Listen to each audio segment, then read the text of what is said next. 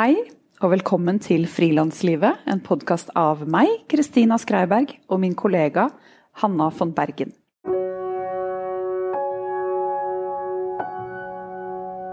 Ukens annonsør er regnskapsprogrammet Fiken.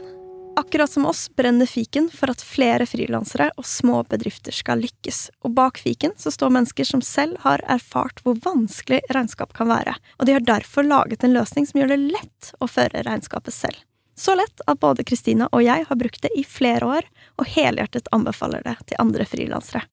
Vil du prøve fiken gratis i 30 dager, gå inn på fiken.no. Jeg sitter sammen med fotograf Pernille Sandberg. Pernille jobber som motefotograf for noen av de største motemagasinene i verden, noe hun kombinerer med å jobbe som kunstfotograf. Pernille har fotografert serien 'Straff skader', en fotoserie som retter oppmerksomhet mot negative konsekvenser av å straffe folk for narkotikabruk. Det startet som en kampanje for foreningen Tryggere ruspolitikk. Siden har utstillingen blitt vist på Shoot Gallery i Oslo, i Grieghallen i Bergen, og en rekke aktører har engasjert seg i å skape oppmerksomhet rundt prosjektet. Pernille er 27 år, hun er dansk og bor og arbeider i Oslo og Berlin. Og hvis du som lytter hører at lyden er litt annerledes enn den vanlige studiolyden vår, er det fordi Pernille og jeg sitter foran et publikum på fotofestivalen Nordic Light i Kristiansund. Jeg vil gjerne takke Lise Kvenseth, daglig leder for Nordic Light, for invitasjonen. Og jeg vil også takke innovasjonsselskapet Vindel, som er et miljø for gründere, innovasjonsprosjekter og klyngebygging i regionen, for at de er med på å finansiere denne episoden. Da begynner vi. Hei, Pernille. Hei. jeg vil veldig gjerne begynne med prosjektet ditt 'Straff skader'. Ja. Eh, det er en fotoserie som retter oppmerksomhet mot negative konsekvenser av å straffe folk for narkotikabruk. Mm. Og serien består av ni fotografier som alle forteller en historie om ungdom og rus basert på ekte hendelser. Mm. Stemmer? Kan ikke du fortelle litt om hvordan det prosjektet kom til? Jo, altså hva skal jeg si Det hele Jeg kom til Oslo for uh, Jeg har bodd i Oslo i fire år fast. Uh, og der uh, kom jeg i kontakt med, med foreningen Trygg og Uh, og i år 2018 der var det at der blev nedsat et ekspertutvalg som skulle udforme, uh, hvad skal jeg sige, grundlaget for rusreformen bare sådan rent grundlæggende, hvis folk ikke er helt uh, med på rusreformen. Der er en reform, som, uh, som skal altså støtte op om ligesom, uh, afkriminalisering uh, og om hjælp frem for straf. Men jeg, jeg kom i hvert fald i kontakt med den her forening, uh, når de begyndte at ligesom, hvad skal jeg sige, informere verden om, om det her, og når ligesom folk fra ekspertudvalget begyndte at gå ud i uh, samfundet og i medierne og, og fortælle om hele politik. Um, og ja, jeg fandt hurtigt ud af, at jeg støtter stort rundt om, op om deres arbejde. Uh, øh, jeg brænder meget for rusreformen. Uh, det betyder øh, meget for mig. Og så fandt vi ud af, at vi skulle lave et projekt sammen med Alik Oslo først. Um, og der satte vi et studie op inde på Aliks kontor af Alik uh, Gademagasinet i Oslo. Så satte vi et studie op der, og der uh, kom jeg i kontakt med sælgerne. Og mange af sælgerne, uh, de er øh, uh, bruger af stof. Um, og der, der blev det ligesom, hvad skal jeg sige, der blev det manifesteret ligesom for mig, hvor vigtig den her sag var. Uh, og det kunne ligesom ikke uh, stoppe. Altså det, det blev ved og ved og ved for mig. Og ligesom at tænke på, hvordan kan man være med og ligesom støtte øh, sagen, hvordan kan man intensivere ligesom opmærksomheden rundt den her sag. Så når de kom til mig øh, igen nu i år 2020 og vil lave en, en ny kampagne fokuseret på øh, ungdom øh, og konsekvenserne ved den nuværende øh, lovgivning på stof, der øh, kunne jeg ikke øh, sige nej, så at sige. Men hvor kommer dette personlige engagementet for den saken fra? Nej, altså det som var sjovt, det var, at når jeg først begyndte at lære om øh, foreningsarbejde og ligesom filosofien bag det, øh, der tænkte jeg, hvorfor har jeg aldrig selv tænkt på de her ting på en måde. Øh, der fandt jeg ud af, at øh, ligesom, der skal meget til for ligesom at uh, ændre folks uh, bevidsthed og ligesom lærdom om det her, fordi vi er, veldig, vi er jo påvirket af det samfund, vi, vi bor i, og ligesom og politikken rundt, så siger vi er jo i Norden, er vi jo veldig, hvad skal jeg sige, autoritetstro, uh, som er veldig fint. Uh, men, uh, men, hvad skal jeg sige, jeg, jeg er jo på Rønne, uh, og har ligesom uh, selv mistet uh, venner, og ligesom set, hvordan folk pludselig er forsvundet ud af, af mit liv. Og den der ligesom følelse af ikke at have uh, kontrol længere, og ikke ligesom den der uvidshed, den sidder veldig dybt i, i mig, og der sidder den veldig dybt i alle mennesker, som er involveret i sagen. Jeg er sikker på. Så det var næsten et projekt, som var skabt for dig? Ja.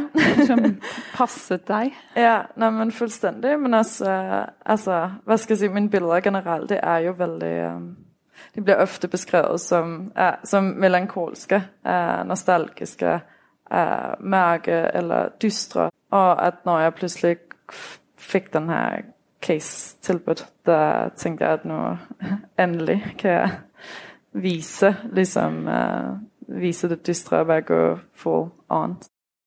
Um, jeg tenkte å uh, lese opp noen av bildetekstene som uh, sto sammen med ja. portrettene. En av dem er Emilie på 17 døde av ecstasy på festival. Hun svelget alle pillene sine i panikk da hun så politiet. Og en annen, Oskar på 23, ruser seg for å glemme barndommen. Han gjenopplever den når han må kle av seg i arresten. Eller Ingen ringte 113 da Emil på 21 tok en overdose.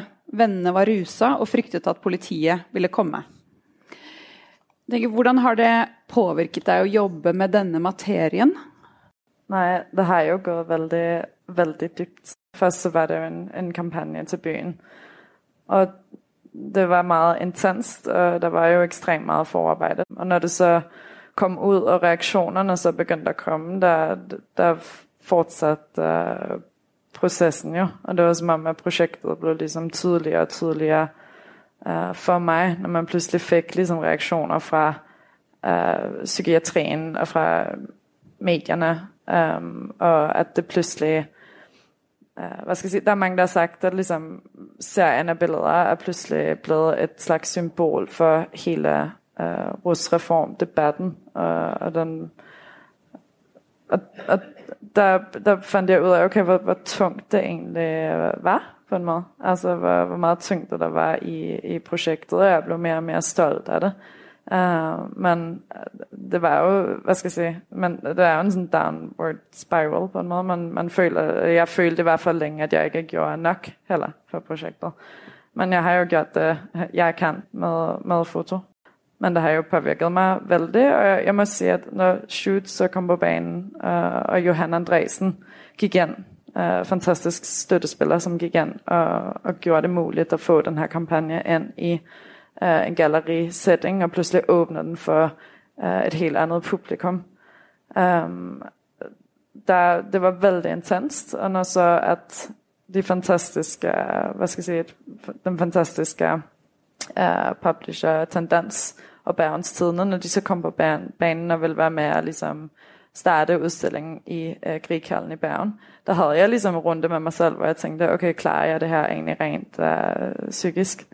Øh, men selvfølgelig øh, gør man det, altså, ja. Hvad tænker du om det at være fotograf og engagere sig i en så politisk sak? Eh, for tenker, det kræver et visst mot at stå i så Eh, et såpass betent eh, og tungt politisk tema. Mm. Mm. Altså, jeg var aldrig i tvivl om, at jeg skulle gå ind i, i sagen og lave kampagnen, når det, når det startede, så at sige.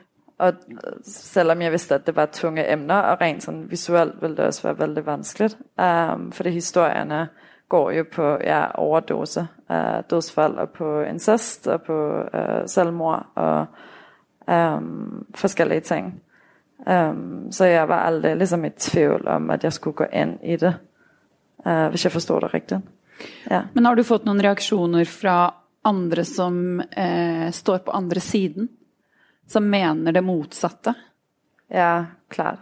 Uh, den fik jo veldig Altså der er kommet veldig stærke reaktioner. Den er blevet veldig sådan sablet ned i medierne. Uh, den har fået veldig Altså, der er forskellige liksom, sådan forældreorganisationer, uh, som har gået ind og ligesom har, har gået veldig stærkt imod den uh, øh, og, og mistolket, uh, hvad skal jeg sige, mist, mistolket uh, politikken bag.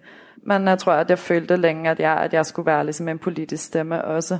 Uh, men det er ikke, uh, hvad skal jeg sige, det er ikke mit uh, job, så at sige. Altså mit job er at formidle, kan du sige. Um, så, så jeg tror, jeg har ligesom, den position har jeg taget. Uh, så, og så uh, har jeg ligesom lavet andre uh, være med at forvidle på det, de bedst kan. Um, igennem for eksempel på, på Shoot Gallery og på Grighallen, hvor vi fik uh, kundskabsministeren med, og statsministeren åbnede Um, og der var mange forskellige aktører, som kom ind og, og formidlede.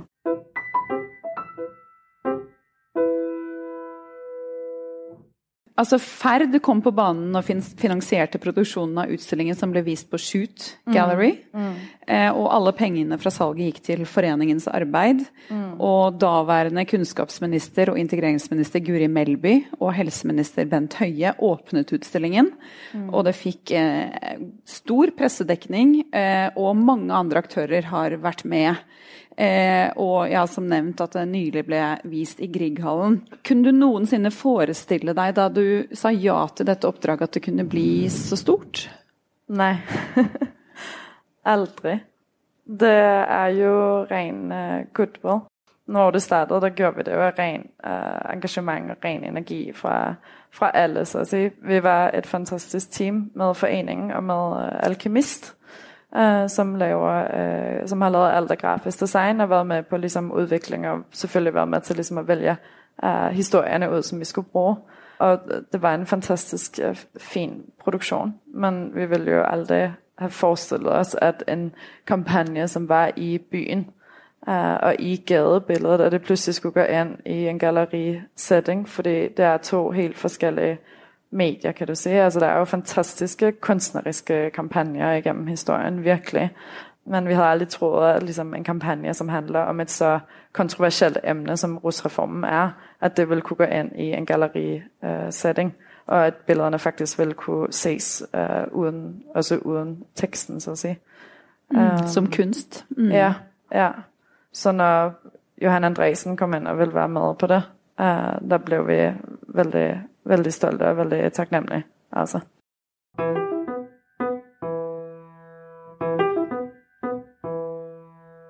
Hvad skal jeg sige, det som er veldig uh, traumatiserende, euforiserende med foto, det er, at det bliver aldrig helt, uh, helt færdigt. Men jeg følte, at igennem den proces, vi havde været igennem, der følte jeg, at de stod veldig stærkt, og vi havde gjort så godt et grundarbejde. Uh, og vi har virkelig arbejdet på, på sagen, så at sige. Um, så at når, at den ligesom, når den kom i hænderne på de aktører, det gjorde, der var jeg veldig tryg egentlig. Uh, jeg var vældig tryg ved det hele. Når vi havde åbningen på Grigkanden, der kom der folk fra alle øh, uh, scener og dele af samfundet, kan du se.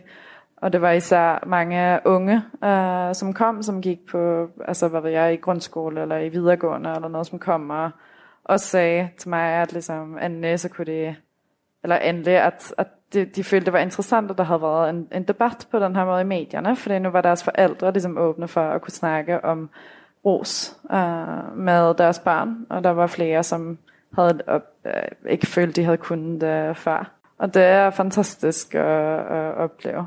Um, og jeg skal jo ikke, altså jeg skal ikke tage æren for kampagnen, uh, man er veldig øh, glad og taknemmelig for, at at, uh, at jeg kunne være med og, og støtte op om sagen. Ja.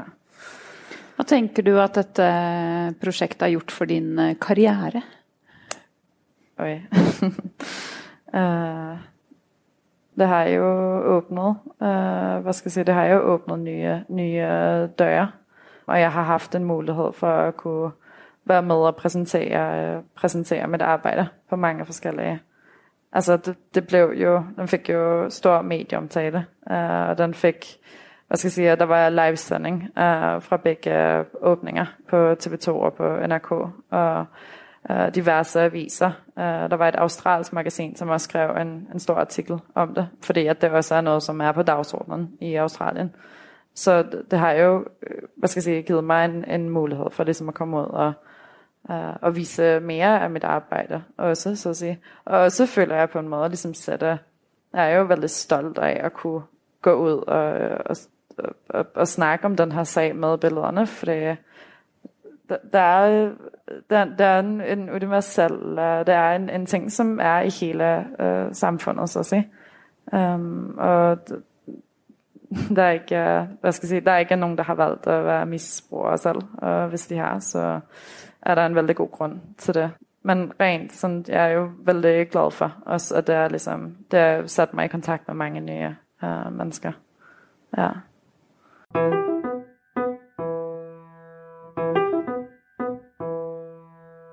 Jeg tenker vi skal hoppe til et uh, helt nytt tema.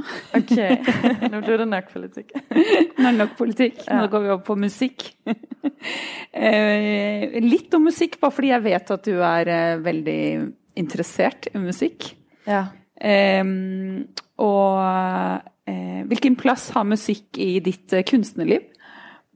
Jeg er veldig, veldig sensitiv overfor for lyd og for musikk bare en ting også i, uh, hvad skal jeg sige, i relation til, til sættet, uh, når vi skød de her billeder, der husker jeg også, at vi brugte ligesom meget musik for ligesom at komme ind i, uh, i stemningen. Jeg har lyttet på musik. Uh, jeg, skal, jeg tror igen, musik tror jeg er vigtigt for uh, absolut alle mennesker egentlig, i større eller mindre grad, men jeg tror, alle mennesker bliver jo på en måde påvirket emotionelt af uh, musikken, så at sige. Jeg er vokset op uh, med en familie, som har flyttet meget. Vi har rejst meget, rigtig meget. Og jeg husker ligesom det der med at være på, altså sidde på lange flyture rundt omkring i verden, og ligesom bare lytte på musik. Um, og musik er ligesom med til at få mig, uh, til at gøre mig inspireret, og til at få mig ind i en, i en stemning.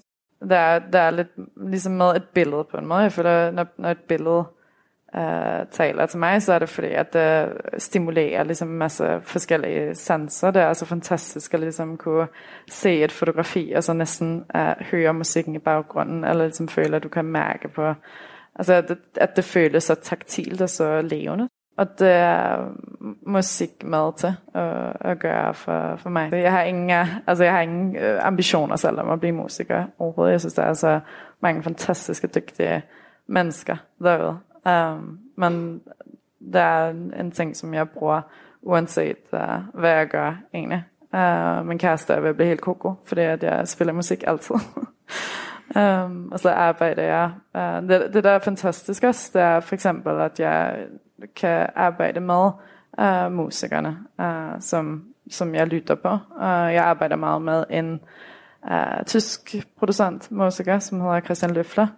Um, øhm, og vi begyndte at lave, uh, at, at lave forskellige ligesom, videoer uh, og film sammen, og vi arbejder på noget nu også, uh, som er veldig spændende at ligesom kunne, at kunne bare merge ting, som bare inspirerer mig helt uh, sindssygt. Ja. Er du sånn som hører på masse forskjellig, eller går det på samme track på repeat eh, om og om igjen? Eller er det et helt album av gangen, eller hva er din metode? Ja, min metode er, ja, jeg laver playlister inden hvert eneste shoot, som jeg har. Og jeg lytter på, på alt, egentlig. Ja, det vil jeg si. ja. For jeg skriver, eh, er et skrivende menneske, og jeg kan lytte til samme sangen på repeat helt til jeg er ferdig med én tekst. Og da får jeg ofte lyst til å dedikere den teksten til den låten. Eh, det, og det vet jeg mange andre som også skriver, gjør. Så jeg syns det er veldig interessant om man eh, ja, velger den ene låta, eller om man bare ja, hører på mye forskjellig. Mm. Eh, du jobber eh, både med kunst og eh, kommersielt. Um, hvordan er det å gjøre begge deler? Jeg har altid Jeg har altid, uh, bare for at starte uh, et sted, jeg har altid fotograferet. Uh, jeg fik mit første kamera, når jeg var fem år gammel. Så jeg har aldrig helt tænkt over, uh, hvad det var. Uh, det er kommet ret naturligt. Og en eller anden trang til ligesom at dokumentere, hvad der skete rundt mig. Og min fascination fra, for forskellige uh, ting, egentlig. Og hvad skal jeg sige, jeg fandt jo hurtigt ud af, at med kameraet, der kan du ligesom komme ind i den setting, du vil på en måde. Kameraet på en måde en indgang til alt, hvad du er interesseret i. Og jeg tror aldrig, øh, når jeg var helt ung, jeg har aldrig framet det sådan for mig. Jeg har aldrig tænkt på, at det var ligesom derfor, jeg gik ind i, i fotografi. Men det er på en måde bare blevet sådan. Igen, når vi har, som jeg sagde før, når vi har flyttet så meget med familien, der er der altid perioder, hvor man er ret ensom, egentlig. Og der er altid de der perioder, hvor man ligesom skal uh, lære folk at kende igen. Og du skal finde ud af, hvordan du ligesom kan adapte til et helt nyt sted. Um, og så når jeg var ude at rejse, fra jeg var 10 til 12 år, og ikke gik i klasse med nogen, der er der også ja, masser, masser alene tid. Og der tror jeg, både i forhold til musik, også musik blev veldig vigtigt der, men også det at ligesom uh, fotografere og, og forstå verden rundt mig. Um, og uh, jeg husker for eksempel, ligesom når jeg var, jeg husker i Vietnam, Øh, med, uh, med min familie, der husker jeg, at vi sad i et sådan klasseværelse. Jeg øh, skulle ind og være med uh, på undervisningen der, og, og se, hvordan den her lille bitte by imellem rismarkerne, hvordan den fungerede, så at sige. Og så pludselig så sidder der, altså der sidder ligesom tre børn og deles som en, om en blyant. Uh, og de har ingenting. Ligesom. Og så kommer jeg tilbage til en dansk skole, og skal gå i klasse der, og så ser jeg ligesom, jeg, bare, jeg husker det der moment med en, en, en klassekammerat, som ligesom lavede en sådan uh, bold ud af tape. Noget, hvis man ruller en helt tape ruller op, så kan man få en sådan en bold, og så begyndte de at kaste rundt med dem. Og jeg tænkte sådan, der var et eller andet helt, uh, helt galt her, så at sige. Um, og så, det, og det kan skabe en eller anden sådan ensomhed uh, i, i et menneske, tror jeg, og mærke på sådan en uretfærdighed veldig, veldig hurtigt. Um, og nu talte jeg mig lidt uh, væk her, det ved jeg. Men, uh, det synes jeg var så fint, for det her ja. var mye mere spændende end det jeg spurgte om. um, og der bliver det ligesom en måde at forstå verden på, det at fotografere. Jeg begyndte at fotografere på natklubber, når jeg var 16 år gammel, fordi jeg var veldig interesseret i, hvordan, hvad var det her, ligesom? Hvad, hvad er det på en måde? Um, jeg blev veldig interesseret i, især i modeverdenen uh, og i musikverdenen. Um, og uh, var så heldig, at jeg, øh, jeg, hvad skal jeg sige, jeg kom i kontakt med et dansk magasin. Øhm, øh, um, uh, mode, kunst og design uh, magasin. Som jeg tror synes det var veldig spændende, at jeg også var så interesseret i bare at komme ud i verden og, og fotografere igen, så at sige. Og så var jeg i Paris og i London og forskellige steder og bare skrive um, og, og fotografere for dem. Der, der bare mærkede jeg den der kraft af, ligesom hvordan man kunne bruge uh, kameraet og fotoet til ligesom bare at blive inspireret og møde mennesker. Og, og, det, og det er som om, at der bliver den der nysgerrighed ind i en, den bliver bare mere og mere intensiveret. Altså, um, når man først ligesom føler, at noget klikker, og man ligesom har et fantastisk møde med, med et menneske eller med naturen. Og, ja. Har kamera gjort dig mindre ensom? Var assistent for Massimo Leardini uh, i et år. Og jeg husker, at han sagde, at han, øh, han har egentlig ekstrem højdeskræk. Men hvis han står med kameraet og fotograferer højden, der er det ikke så farligt. Der går det helt fint at ligesom stå og toppe med Eiffeltårnet. Og det er måske lidt sådan. Øh, for mig har det været sådan. Um, jeg har set ligesom uh, fotografiet og det at fotografere som et, som et sådan fri rum, hvor at man, man, det tager lidt en væk fra ligesom uh, en ensomhed, man har været i. Uh, jeg har kæmpet med spiseforstyrrelse i, fra jeg var cirka 10 til 20 år. Um, og det, det gør man ligesom, man isolerer sig ligesom lidt fra resten af verden. Der er det, jeg tror, det er en måde at ligesom prøve at komme ind i det igen. Ja. Um, så det er veldig Altså, jeg er utrolig takknemlig for at jeg liksom kan arbejde med, med fotografi, og ikke kan lade være, liksom, fordi det er det der liksom driver det. Og, og det jeg vil sige med det, det var at jeg ikke så hvad skal jeg sige, jeg, jeg filtrerer det liksom ikke helt. Uh, jeg har hørt liksom fra nogle journalister at hvis jeg øh, vil ha støtte til kunstprojekter for eksempel, så skulle jeg bare stoppe og lave kommersielt foto med det samme. Og det har jeg fundet ud af, det passer ikke. um, og det er bare liksom det at, at også mærke, at, at verden er uh, at, at jeg får mange kommersielle jobs baseret på min kunst. Og den helt forskellige måde at arbejde på. At ligesom når man arbejder, når man arbejder kommercielt, så er man med til at styrke en, en andens uh, vision, når man er med til ligesom at starte noget op sammen. Og når man arbejder kunstnerisk, så er det, så, så, ja, så kan du gøre, hvad du vil på en måde. I, i samarbejde med nogen også.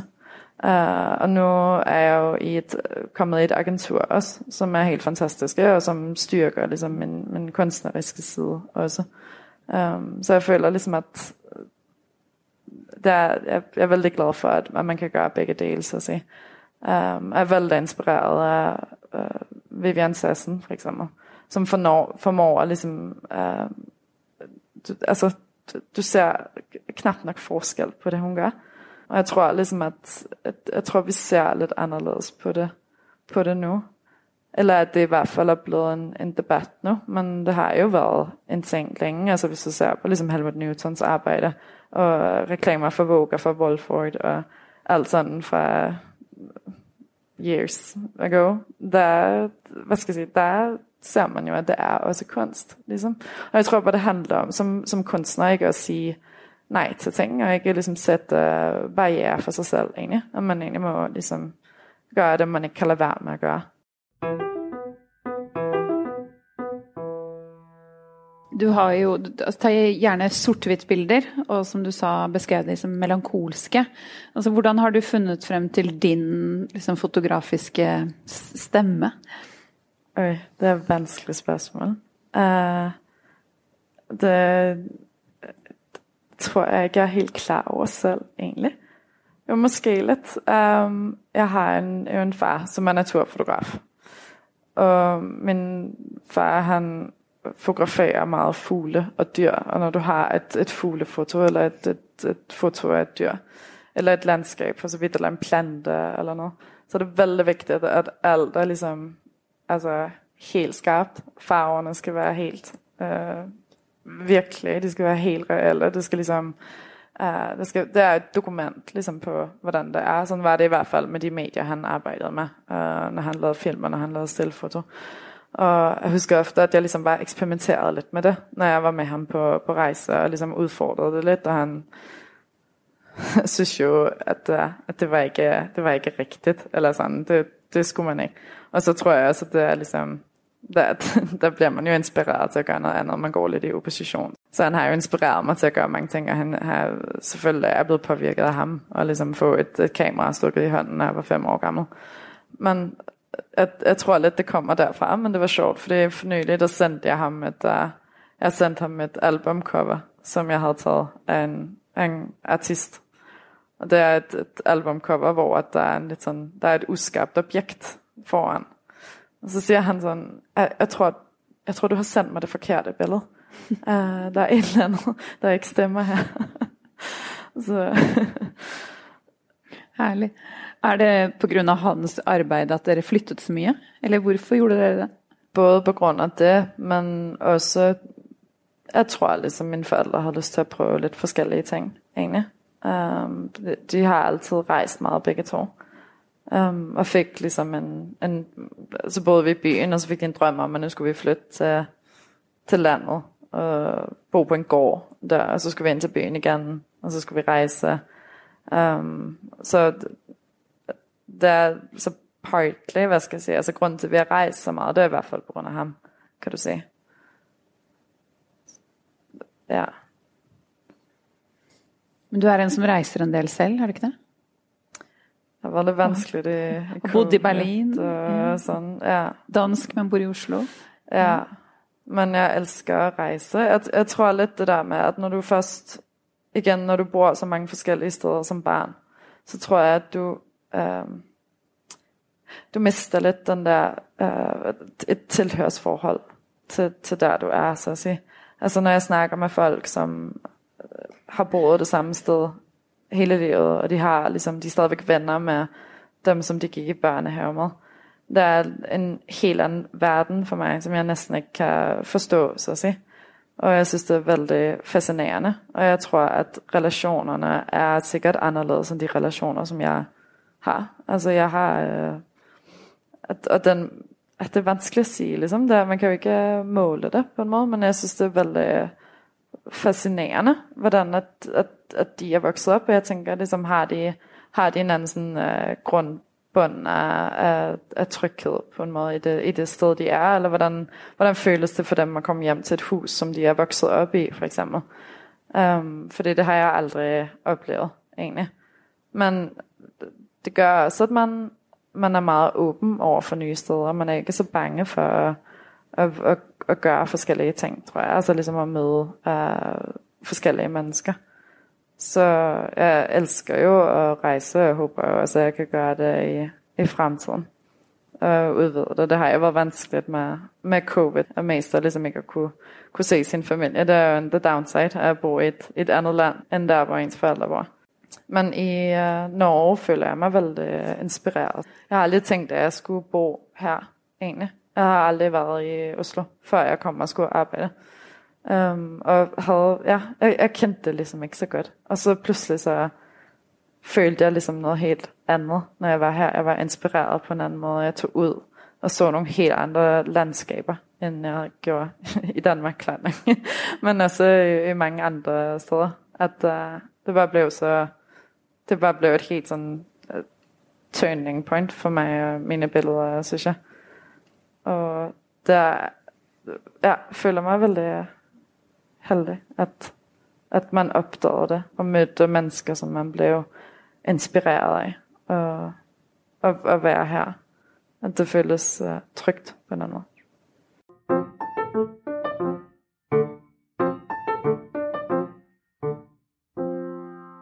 Du har fotografert for, eh, har jeg lest da, Vogue, eh, Another Magazine, eh, og merker som Holsweiler og Tom Wood, eh, Joachim Trier, har vi sett noen bilder av skuespillere her fra hans filmer. Eh, og nylig har du fått eh, agent, du er med i Stallen til hest, agentur. Eh, hvordan har du gått frem for å, eh, for å få de oppdragene du har haft lyst på? Meget af det er sket øh, ret naturligt egentlig. Og jeg tror også, at mange ting er, er sket, fordi at jeg har været ret øh, pushy også. Jeg har ligesom, hvis jeg har fattet i snak med nogen øh, på et event eller en fest, eller altså hvad ved jeg, øh, du ved, de der små ligesom, møder, som pludselig bliver til noget helt andet. Jeg har aldrig været bange for ligesom, at kontakte folk dagen efter, og bare dykke ned i, i ting, og, og udforske ting sammen. Um, og så har jeg også, øh, ligesom lidt det som Syncrodog snakkede om uh, tidligere her på Nordic Light, at øhm, um, det, det er dumt at ligesom låse sig selv ind som fotograf. Var? At man kan sagtens være multikunstner, du kan sagtens arbejde ligesom med øh, uh, CGI-designer, eller du kan arbejde med film, eller uh, ja, hvad du vil. Du kan skrive, du kan lave collager, Altså, det er ligesom mentaliteten om ikke at ligesom uh, ja, at lukke døre for sig selv. Og det tror jeg um, kommer naturligt på en måde. Jeg tror, det handler om, at man bliver mere og mere moden, når man føler, at man ligesom kan måske stå lidt bedre inden for det, man gør. Men det er jo sjovt at, at, hvad skal jeg sige, at tænke på at de forskellige projekter, som jeg har været med i. For eksempel så har jeg haft et projekt med en kunstner, i, um, som bor i Paris, som er omtrent 85 år gammel. Hvad, hedder det? Hvad er det for noget? Ja. 85. 85? Ja. uh, og, og han laver collage, og han laver keramik, og han laver ligesom forskelligt uh, metalarbejde. Og så mødtes vi på uh, Instagram. Kom vi til at ligesom, pludselig vi bare likede hinandens billeder frem og tilbage hele tiden. Og jeg, jeg anede jo ikke, uh, hvem han var, indtil at hans uh, kone kontaktede mig, og hun var jo også der omkring, og ligesom fortalte om ham, og hvordan at han arbejdede. Og så fandt vi ud af, at han skulle bruge uh, nogle af mine billeder, at de skulle printes på ligesom transparent uh, papir, og så skulle han bruge dem i sin skulptur. Og, og, der er ligesom, og så fotograferede jeg ligesom også flere uh, billeder til det. Og det er bare vældig det, det er også et projekt, som jeg ligesom ikke havde tænkt, at det skulle, at det skulle vokse. Hvis du forstår, at det, først så blev det udstillet i Amsterdam, og så blev det udstillet i Paris bagefter. Um, eller jeg har også arbejdet med et designstudie her i Norge, som øh, fik den idé, at de skulle udvikle en sådan uh, en software. De brugte en software, som um, interagerede med mit kamera. Og så altså i, i kameraet, så at sige, altså efter forskellige ligesom proggede algoritmer, så deformerede det ligesom billederne. Um, og, og det endte så med at blive udstillet i, uh, i Tokyo. Og det er sådan, det, det ønsker mig bare ligesom, jeg har bare gået efter det, jeg synes, der var sjovt, så siger jeg det, jeg synes, der var interessant at arbejde øh, med. Så ja, så jeg tror, at jeg har ligesom ikke øh, kunne lade være, kan du sige. Lidt sådan på godt og ondt egentlig, fordi at jeg har jo begyndt for eksempel på ligesom forskellige øhm, skoler og universiteter og så videre. Og jeg gik på øh, en, en fotoskole i København, som hedder Fata Morgana. Og jeg afleverede ligesom en ansøgning øh, i smug, uden at sige det nogen. Og så kom jeg ind, og så sagde jeg til mine forældre, at jeg stopper på gymnasiet, og nu går jeg der, så at sige. Og så blev jeg også, altså hvad skal jeg sige, det var, det var en helt fantastisk skole. Men jeg endte at droppe ud af den også. Og så kom jeg ind på, uh, på universitetet med dispensation i Berlin. Uh, og blev ligesom også revet med af det. Og jeg har brugt vældig lang tid på ligesom at øh, gokke mig selv i hovedet og tænke, ligesom, for fanden øh, gjorde du ikke bare det færdigt? Ligesom. Det, det kunne være lidt godt nogle gange at have det diplom eller have det bevis fra universitetet, så at sige. Men jeg har også, øh, men jeg må også ligesom tilgive mig selv der og tænke, så har jeg blevet inspireret af de ting, som var omkring mig. øh, og været med og ligesom øh, ja, udvikle projekter med, med andre, som har været vældig, vældig spændende. Og ja, jeg tror også det er der det kommer fra, det med det kommersielle og det kunstneriske. Det så gripe mulighetene måte, som kommer? Ja. ja.